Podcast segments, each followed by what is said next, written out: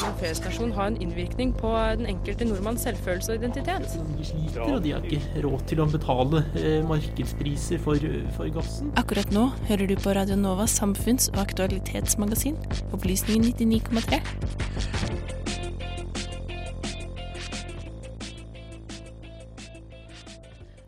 Bør skoleelever få gyldig fravær for å streike for klima? Ja, mener lederen i Elevorganisasjonen i Oslo. Han kommer til studio for å forklare mer. Klimasaken er på de flestes lepper for tiden, og mye av problematikken går på mangel på øh, vilje pga. politisk opportunisme, ifølge økonomiprofessor. Terroren i New Zealand sjokkerte en hel verden. Men hvordan er det å være muslim i Norge? Trenger vi en handlingsplan mot islamofobi, og hvordan skal denne da se ut? Visste du at som norsk statsborger må du betale nesten 200 000 kroner mer for en treårig bachelorgrad enn det studenter får? Det er et land som på en måte er eh, stadig i konflikt, og som har vært igjennom eh, mye konflikt. Markedsføringen av Norge som en fredsnasjon har en innvirkning på den enkelte nordmanns selvfølelse og identitet? De sliter, og de har ikke råd til å betale eh, markedspriser for, for gassen. Radio Novas samfunnsprogram Opplysningen 99,3 hver fredag mellom 10 og 11.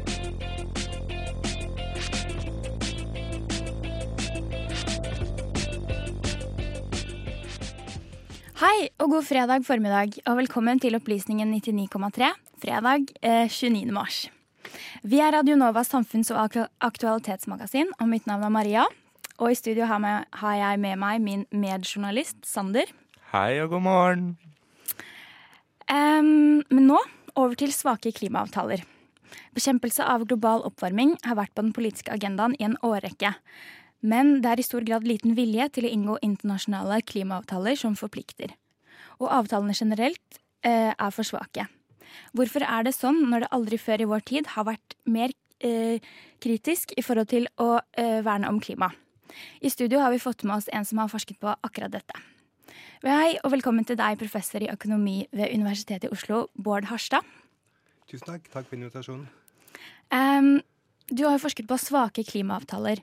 Uh, vil du si litt først om eh, hva din forskning generelt sett går på? Ja, for eh, egentlig så har jeg forska mer på sterke klimaavtaler. Okay. For eh, samfunnsøkonomer eh, har eh, en lang tradisjon for å prøve å finne ut hvilken slags politikk som er den beste politikken som politikerne burde gjennomføre. Og F.eks. på internasjonale miljøavtaler og klima spesielt så, så, er det ideelle en avtale. Det er en internasjonal avtale som forplikter, som er bindende, og som påfører sanksjoner på de landene som ikke gjennomfører sine forpliktelser. Um, så vi veit ganske mye om hvordan en sånn ideell avtale burde se ut. Mm. Og det er forska mest på. Men da dukker opp spørsmålet hvorfor ser vi ikke sånne avtaler i virkeligheten? Hvorfor er de virkelige, de eksisterende klimaavtalene veldig svake? De er svake på den måten at eh, hvis et land finner ut at de ikke, likevel ikke vil gjennomføre sine forpliktelser, så det noe, har det ikke noen konsekvenser for, det, for, dem at de gjør det. F.eks. Canada. Eh, de var ikke på vei til å fullføre sine forpliktelser på Kyoto-avtalen. Det ville ikke påføre dem noen særlige eh, konsekvenser dersom de ikke håndhevet sine forpliktelser. og de, det var heller ikke noen konsekvenser for dem når de trakk seg ut. Så og det er, det er ganske merkelig for, eh, fra et samfunnsøkonomisk eh, perspektiv, fordi landene vil være tjent med en sterkere avtale der landene faktisk gjør det de har lovet. Eh, og det er også merkelig når vi ser at det faktisk slike avtaler er mulig. Eh, F.eks. Montrealprotokollen. Var en avtale for ozonlaget. Og den, eh, den, tillater handelssanksjoner på de land som ikke gjennomfører sine forpliktelser. Så hvis vi vet at sånne avtaler er mulig, og WTO tillater også, og det er derfor rart at vi ikke ser det. Så det, det var hovedmotivasjonen og bakgrunnen. Ja, Men hva er da insentivene til å gang på gang inngå da svake klimaavtaler, hvis det ikke gir mening? Nettopp. Det var første, forskningsspørsmålet vårt. Eh, og da For å studere det så kombinerte vi samfunnsøkonomi med statsvitenskap, eller politisk økonomi, der politikerne er også aktører i eh, de økonomiske modellene, i, i, spillet. Og Politikerne de vil eh, selvfølgelig også redde verden, men de trenger også vinne neste valg. Eh, og da vil de tenke veldig hardt på hva de kan gjøre for å vinne neste valg. Eh, og for å kunne vinne neste valg, så må det være slik at for velger, fra velgernes synspunkt så gjør de en forskjell. Dersom en sittende politiker binder seg til en avtale eh, som er så sterk på den måten at, det, at enhver politiker senere kommer til å gjennomføre forpliktelsene, fordi hvis ikke så er sanksjonene så store, så, så vet velgerne at denne avtalen blir gjennomført uansett, uansett om de gjenvelger sittende politiker eller motstandere. Og da vil de ikke kunne klare å gjøre en forskjell. Men så, så og, og, det betyr også at det, denne da er på en måte klimaproblemet ute av Uh, ute av spillet. Det har virket ikke påvirke neste valg. Uh, hvis en politiker virkelig vil vinne neste valg, så vil det tjene på isteden å forhandle fram en svak avtale, som er slik at det, den vil kanskje bli gjennomført, men det kommer an på hvem velgerne gjenvelger eller velger. Uh, for eksempel ja, så På den måten så vet velgerne da at eh, de, hvorvidt de vel, gjenvelger den ene eller den andre, det påvirker vil, om avtalen blir gjennomført eh, i framtiden. Eh, og, og, det kan sittende politikere dra nytte av ved å for, for, forhandle fram en type svak avtale som er slik at eh, velgerne vil gjenvelge dem, og mm. heller enn å velge en, eh, den motstanderne. Så, eh, og det vil, alle typer politikere vil kunne dra nytte av en type svak avtale istedenfor en sterk avtale, dersom de virkelig ønsker å bli gjenvalgt. For eksempel, eh, la oss si at er ulike politikere eh, har ulike La oss si ikke, ikke nødvendigvis venstre- og høyresiden, men la oss si at noen er litt mer miljøvennlige enn andre. Det mest miljøvennlige partiet, vil, hvis de virkelig vil vinne neste valg, så vil det eh, forhandle fram en avtale som er ganske svak, eh, og har en lav sanksjon dersom man ikke gjennomfører sine forpliktelser, og så lav at det, det motstanderne, som er det mindre miljøvennlige partiet, de kommer ikke til å finne det i sin interesse å gjennomføre forpliktelsene. Så da vet velgerne at hvis de ønsker denne avtalen til å bli gjennomført, så må de gjennomvelge sittende miljøvennlige partier. Ehm, så, og hvis da denne sanksjonen er tilstrekkelig høy, slik at velgerne foretrekker å gjennomføre eh, avtalen, selv om motstandspartiet ikke vil det, så vil eh, sittende partiet få flere stemmer og øke sin sannsynlighet til å bli gjenvalgt. Men det merkelige er at Men, det, ja. Eh, vil Så politikere kan ikke løse klimaproblemet? Er det, er det sånn det er? Um, um, det, det, det, de, de, kan løse det, men det vil komme på bekostning av neste valg. Så, så, kan, eh, så sittende politikere kan f.eks. Eh, binde seg til en veldig sterk avtale som, gjør, eh, som, binder neste type parti også, uansett hvem som vil vinne neste valg. Men det, det, de, det kan gå på bekostning av valget. De kan tjene på å ha en, isteden en svak avtale som gjør at de utgjør en forskjell. Um, og da blir det en avveining for sittende politikere. Hva er viktigst? Er det viktigst å ha binde neste politikere og ha en sterk miljøavtale, eller er det viktigst å vinne neste valg? Um, men uh, jeg leste um, på noe av det du har publisert, at det spesielt er demokratiske land som har den type utfordringer. Um, hvordan er det med den demokratiske styreformen som bidrar til at det er lettere å inngå svake avtaler? Ja, så det som dette denne motivasjonen da, til å forhandle fram en svak avtale, slik at man gjør en forskjell, den oppstår når det er viktig å vinne et valg. Når du, når, når du må appellere, når du er usikker på om du kommer til å bli sittende. Men, og hvorvidt du kommer til å bli sittende, det, det er noe du kan påvirke gjennom den avtalen og annen type politikk som du gjennomfører.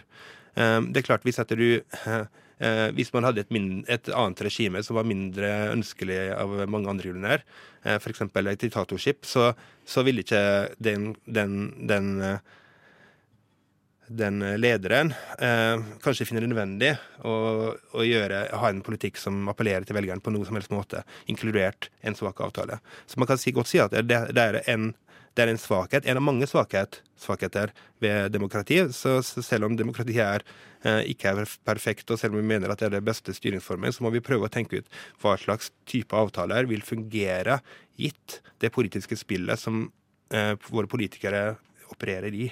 Eh, hvor kan presset komme andre steder fra for å bedre potensielle klimaavtaler? Ja, så så um, som jeg nevnte da, så har politikerne mulighet selvfølgelig til å ha en eh, sterk avtale, og, og det, altså spørsmålet er om de er tjent med det.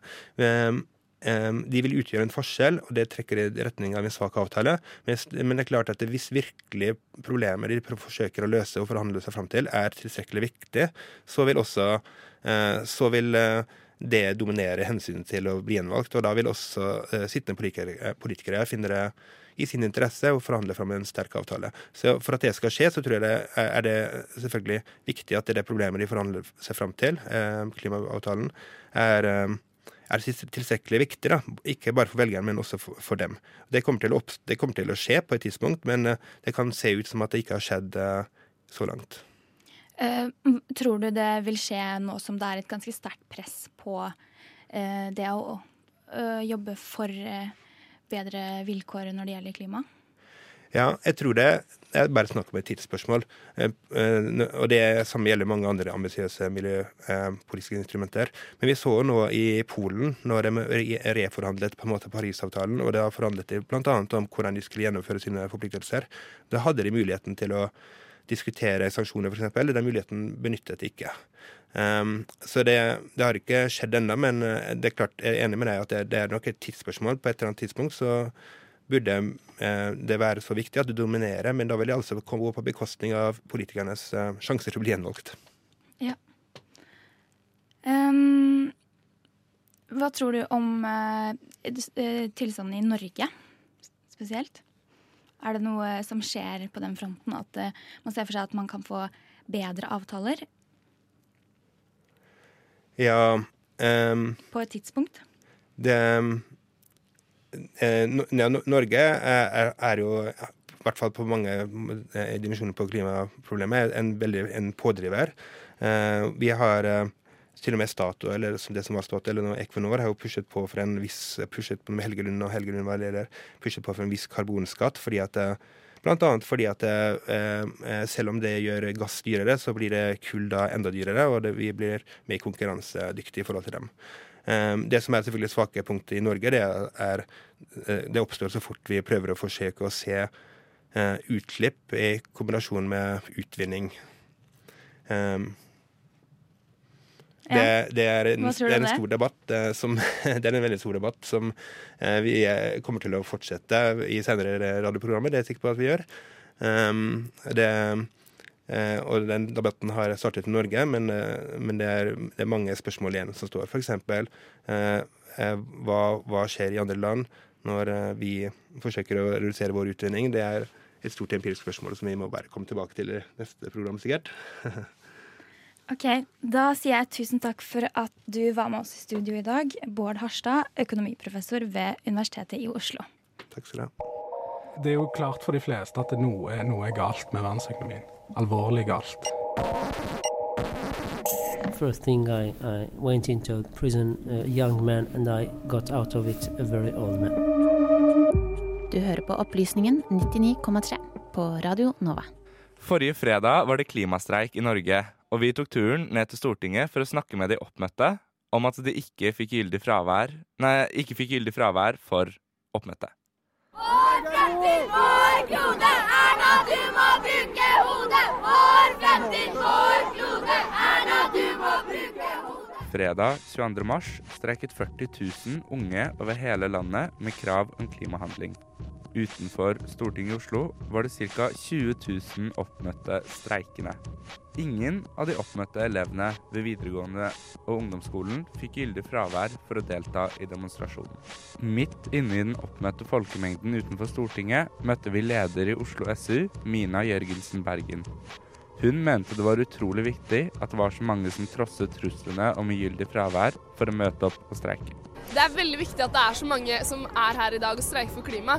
Fordi vår generasjon er drittlei av at de voksne med makt ikke tar oss på alvor. Og derfor krever vi handling nå. Vi møtte også Sigve Fredriksen og Katinka Marie Wiborg, som begge hadde tatt turen fra Nedre Eiker i Buskerud for å delta på demonstrasjonen. De var begge utrolig misfornøyde med at de fikk ugyldig fravær for å dukke opp på protesten. Vi er uh, ufornøyde med at dette her dette er telt som politisk fravær. Og vi syns det er teit at uh, de skal liksom forandre på spillereglene når det passer dem, og at de ikke skal holde det jevnt. Jeg er veldig enig. Det er dårlig at uh, spillereglene forandres så fort eh, situasjonen er annerledes. Litt i utkanten av folkemengden møtte vi Lise Marstad, en videregående skolelærer. Hun mente det var problematisk at elevene fikk fri for å ha juleverksted eller slalåmdager, mens de ikke fikk protesten som gyldig fravær. Og jeg syns jo det er synd at eh, så mange fylkes, fylker da, har sagt at det her blir eh, at det blir fravær, da. At ikke de tenker at det her er en del av generelle læreplanen, som de ellers gjør når de har aktivitetsdager. Hvor rektorene da gir eh, slalåm en hel dag eh, og forankrer det i generelle læreplanen. Eller har eh, verksted, juleverksted, det er jo flott det, hel dag uten undervisning. Eh, og forankrer det i generelle læreplan. Og det her bør absolutt også kunne forankres i generelle læreplan, da. Og at det er en del av eh, elevenes undervisning. Altså demokrati i praksis. Da har jo ikke elevene undervisning. altså Vi som lærere vi blir jo da trukket eh, undervisningstimer, som vi da må enten jobbe inn som vikarer, eller på annen måte eller som jobber inn, da. Og da jeg syns det er kanskje er litt rart at uh, sånn som disse, den viktige markeringen her, da, når ungdommene viser engasjement og går så bredt ut, at det da ikke skal gi gyldig fravær. Jeg syns det er ja, en litt merkelig holdning, kanskje. Og med oss i studio har vi leder for Elevorganisasjonen i Oslo, Edvard Botteli Undnes. Tusen takk for at du kunne komme. Tusen takk for at jeg får lov til å komme. Eh, hva mener dere i Elevorganisasjonen om at ingen av de oppmøtte ved klimademonstrasjonen fikk gyldig fravær? Altså, Kort oppsummert utrolig kjipt. Eh, det at vi eh, ungdom samles utenfor Eidsvolls plass eller utenfor rådhus rundt om i landet og viser vår frustrasjon for at politikerne ikke gjør nok og ikke tar hjertesakene våre på alvor, det burde definitivt regnes som politisk arbeid og være gyldig fravær. Jeg mener ikke at du skal måtte velge mellom å delta i demokratiet og få karakter i gym. Um, men i 2016 så var det jo også en streik mot fraværsgrensa som dere i Elevorganisasjonen sto bak. Uh, var det andre vilkår for de streikende under denne anledningen? Ja, fordi da eksisterte ikke fraværsgrensa eh, på videregående. Eh, da, da, kunne rektor gi dem ugyldig fravær, men det hadde ikke gått noe utover karakteren deres, annet enn hvis læreren deres mente at de ikke hadde vurderingsgrunnlag eh, i det faget. Det er sånn jeg mener det skal være. Vi, vi skal ikke ha en fraværsgrense som er sentralt gitt, med en eh, prosentgrense som skal, som skal, vite mer enn læreren om eh, elevenes vurderingsgrunnlag. Uh, og da inkluderer jo dette sånne uh, dager som demonstrasjoner, hvor man demonstrerer mm. i skoletiden. Men vi møtte jo eh, en lærer, Lise Marstad, i, da vi var nede og dekket streiken. Og hun forklarte at elevene de fikk fri for både juleverksted og slalåmsdager eller vinteraktivitetsdager. men hva tenker dere om forskjellen da, mellom at de får gyldig fravær for dette, men ikke for å delta på demonstrasjoner? Jeg er veldig for juleverksted og slalåmdager i eh, skolen. Det er veldig koselige dager, det, og det er veldig fint med avbrekk fra eh, undervisningen og eh, ting eh, og arrangementer for hele skolen. Eh, men eh, demonstrasjoner er langt viktigere enn slalåmdager og juleverksted. Eh, når vi eh, aktivt deltar i demokratiet, bruker ytringsfriheten vår, prøver å påvirke egen hverdag. Mange av oss kan ikke stemme, ehm, eh, og da, er, da har vi to muligheter for å påvirke. Det er å demonstrere og det er å drive med møtevirksomhet. Og ikke alle får tatt en kaffe med Ola Elvestuen, liksom. så da, da, må man ty til gatene. Man må, ehm, man må demonstrere. og det vi gjør her, er at vi tar Eh, vi tar saken i våre egne hender, fordi de voksne gjør ikke nok. Og så må vi eh, aktivt vise dem at det her er vi ikke fornøyd med. Um, Roy Steffensen fra Frp han sa i et intervju med Aftenposten dette har du helt sikkert fått med deg, at mm. uh, hva med andre som har samfunnsengasjement, som f.eks. velferdssamfunnets bærekraft, og som ønsker å streike for enten strengere innvandringspolitikk eller mer oljeboring? Um, bør man få godkjent politisk fravær dersom man f.eks. streiker for en strengere innvandringspolitikk eller mer oljeboring, eller hva tenker du om den uttalelsen der? Ja, det mener jeg. Jeg mener at uh, alt politisk engasjement skal regnes som politisk arbeid. Så alle demonstrasjoner hvor man aktivt uh, demonstrerer for eller mot uh, en mening, uansett hvilken den er, innenfor menneskerettighetene, så klart, um, skal være gyldig fravær. Uh, alt engasjement skal uh, være gyldig, og nå er, det, nå er, det, egentlig bare arbeid som folkevalgt ungdomspolitiker som er det. Eh, men jeg mener at eh, absolutt alt elevengasjement skal være gyldig fravær. Mm. Um, Erna Solberg gikk jo ut i forkant av denne demonstrasjonen og mente at det da var viktigere at eh, elevene skulle sitte ved skolebenken og diskutere ting som dette i samfunnsfagen. Eh, er det noen vesentlig forskjell da mellom på en måte å demonstrere for det ute i gatene og det å sitte på skolebenken og diskutere det? Ja, definitivt. Eh, For det første så tror jeg at eh, da statsministeren overvurderer hvor mye man lærer på én skoledag. Hvor mye man får ut av én dag. Um, eh, Jeg hadde ikke løst klimakrisen om jeg hadde hatt naturfag på fredag. Um, Det vet jeg. Og og så er det noe annet å eh, sitte stille i klasserommet sitt og diskutere hvordan eh, kan vi potensielt eh, påvirke politikerne, enn å faktisk gå og påvirke dem. Um, statsministeren sier jo dette fordi hun, hun er redd for eh, eh, Fordi eh, massene med ungdom som møtte opp og var misfornøyd med hennes arbeid. Um, eh, hun vil ikke se dem utenfor Eidsvolls plass. Eh, hun vil heller se dem på skolebenken hvor de ikke lager så mye bråk. Eh, dette ser jo altså sånn For alle politikerne på tinget så så denne streiken utrolig dårlig ut for dem. Selv om de prøvde å spille den til sånn Å, vi støtter denne streiken. Um, det, det så jo dårlig ut fordi vi Altså sånn Vi ropte, vi bua på dem. Vi ropte eh, at de må skjerpe seg. Eh, så de vil jo så klart heller se oss på skolebenken enn eh, ute og demonstrere mot dem. Um, I dag er det jo eh, Denne demonstrasjonen skal jo på en måte fortsette, da, i teorien fortsette hver eneste fredag helt til det skjer noen eh, store politiske endringer. Og i dag er det da f.eks. Eh, en klimastreik i Drammen. Og der har eh, rektor eh, Kristine Novak ved Drammen VGS hun har gått ut og gitt elevene muligheten til å delta på demonstrasjonen ved at de da utfører ulike oppgaver som skal sendes inn til skolen, og som da faller inn- innenfor da f.eks. norsk eller naturfag. Hva tenker du om denne løsningen, og bør da flere skoler kanskje se til Drammen? Ja, dette er en, dette er en veldig god uh, løsning, som også Buskerud fylkeskommune har oppfordret skolene til uh, å drive med. Nå som vi har en fraværsgrense, så mener jeg at vi skal uh, innrette oss etter den og prøve å finne smutthull, som, som Buskerud fylkeskommune har gjort her. Eh, og det er, eh, det er utrolig eh, fett hvis elevene får ordentlig læringsutbytte av å delta i demokratiet. Da blir det bare pluss, pluss, liksom. For the record så har vi vært i kontakt med både Utdanningsdirektoratet, Kunnskapsdepartementet og Oslo kommune og utdanningsetaten der, samt eh, Roy Steffensen fra Frp og eh, lederen i FPU, og ingen av dem ønsket å stille til motdebatt. Men tusen takk for at du var her, Edvard Botteli Undnes. Tusen takk. P-stasjon har en innvirkning på den enkelte nordmanns selvfølelse og identitet. De sliter, og de har ikke råd til å betale eh, markedspriser for, for gassen. Akkurat nå hører du på Radio Novas samfunns- og aktualitetsmagasin, Opplysningen 99,3. Forrige søndag var det en minnesmarkering for ofrene etter terroren i New Zealand. Flere av appellantene kritiserte Erna Solberg og den sittende regjeringen for manglende hensyn og handlekraft mot islamofobi.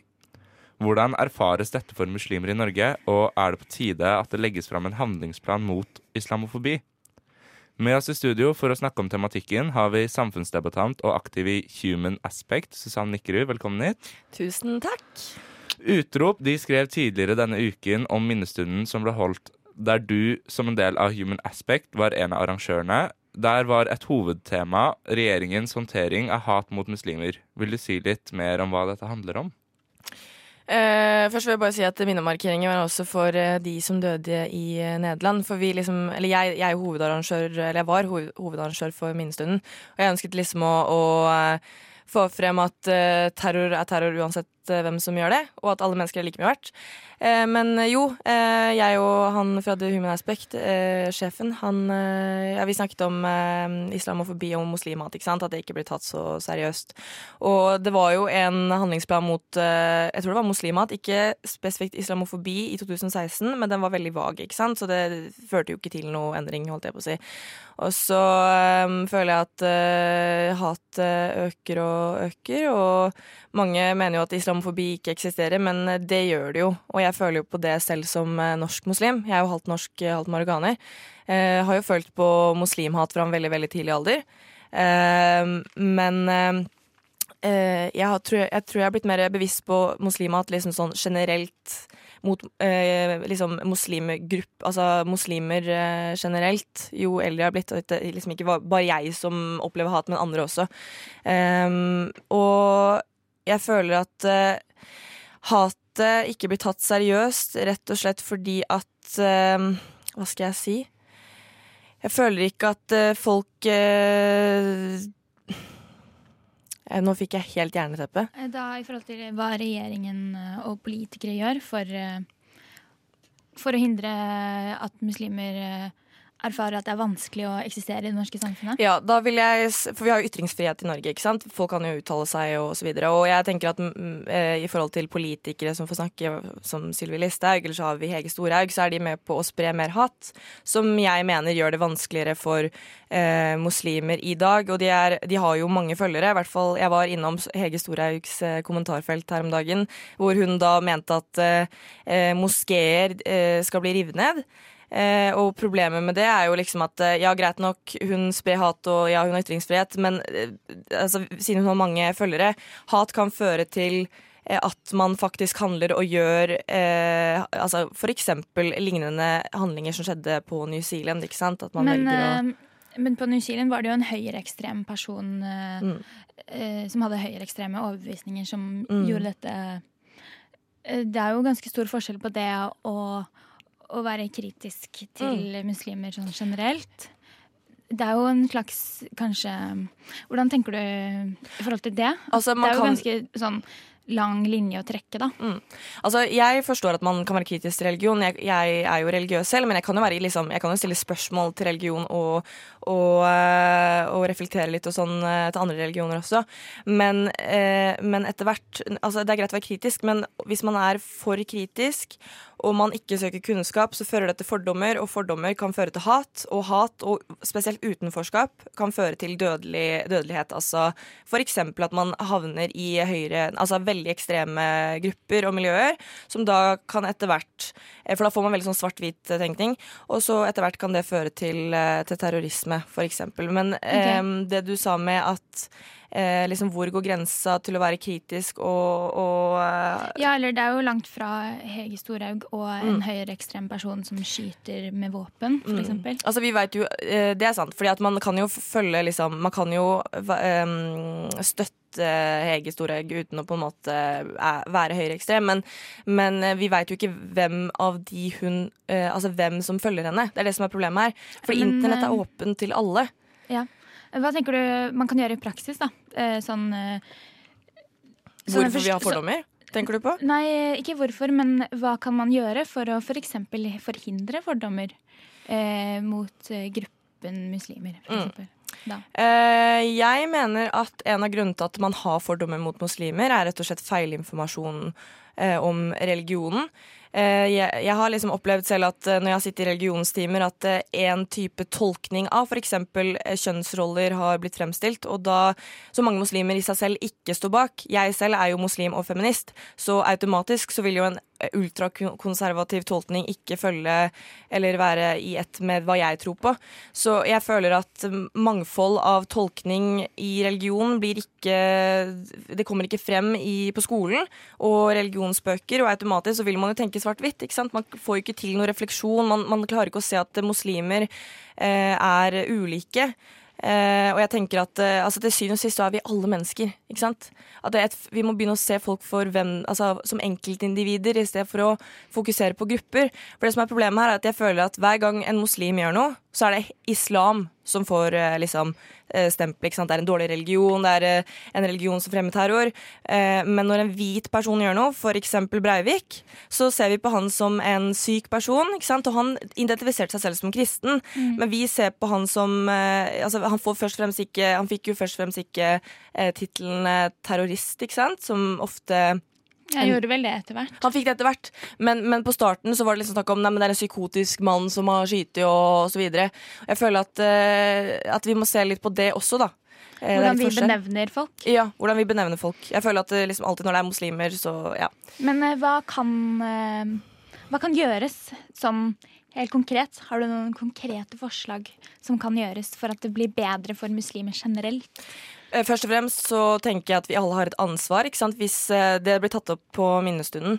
Em, hun eh, Faten snakket om det selv. Hun går i hijab og opplevde liksom mye hat. Og hun sa at hun skulle ønske at folk sto opp for henne når noen kommenterte hijaben hennes og kom med sånne spydige kommentarer. Ikke sant? Vi må stå opp for hverandre og ikke sitte og, og se på. fordi at det å være stille eh, når noen blir hetset og trakassert osv., eh, det er som om man godtar det som blir sagt. Så vi må begynne å stå mer opp for hverandre. Det er liksom sånn mer hva vi enk som enkeltpersoner kan gjøre. Hvis vi ser fra et samfunnsperspektiv, så tenker jeg at det er på tide at vi får en handlingsplan eh, mot eh, altså no, det, det er det som er interessant med denne handlingsplanen her. Fordi noen mener jo at vi trenger en handlingsplan mot hat generelt, ikke sant? Ehm, og utenforskap. Mens andre mener at vi trenger en spesifikk handlingsplan mot islamofobi.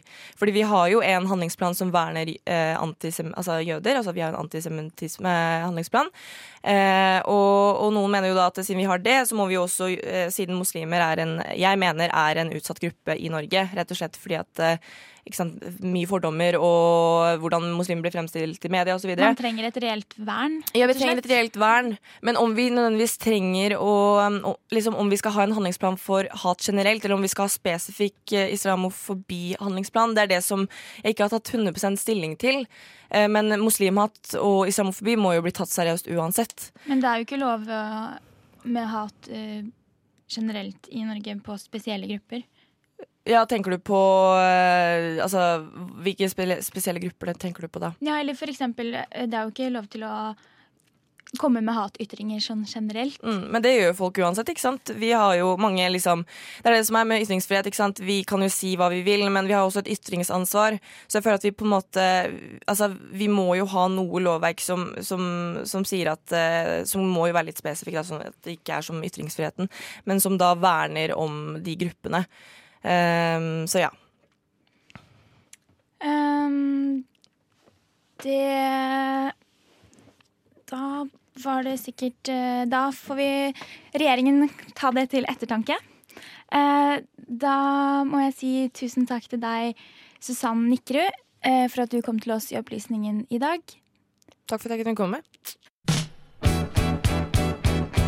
Lyssna istället till Radio Nova. Det var denne ukens sending. Jeg håper du har blitt opplyst eh, denne uken også. Eh, hva sier du, Sander? Har du blitt opplyst? Jeg har lært masse nytt. Jeg føler meg som Voltaire. Såpass? Ja, det var bra. Fordi sendingen er som sagt over. Eh, tekniker har som alltid vært Annika Selin Bogen. Og andre medvirkende til ukens sending var Josefine Marstad, Sander Georg Lia Zakarias, som også er i studio, og Magnus Loma, Lomax Bjerke. I studio var meg, Maria Kryselien. Jeg ønsker dere alle en god helg. Vi høres.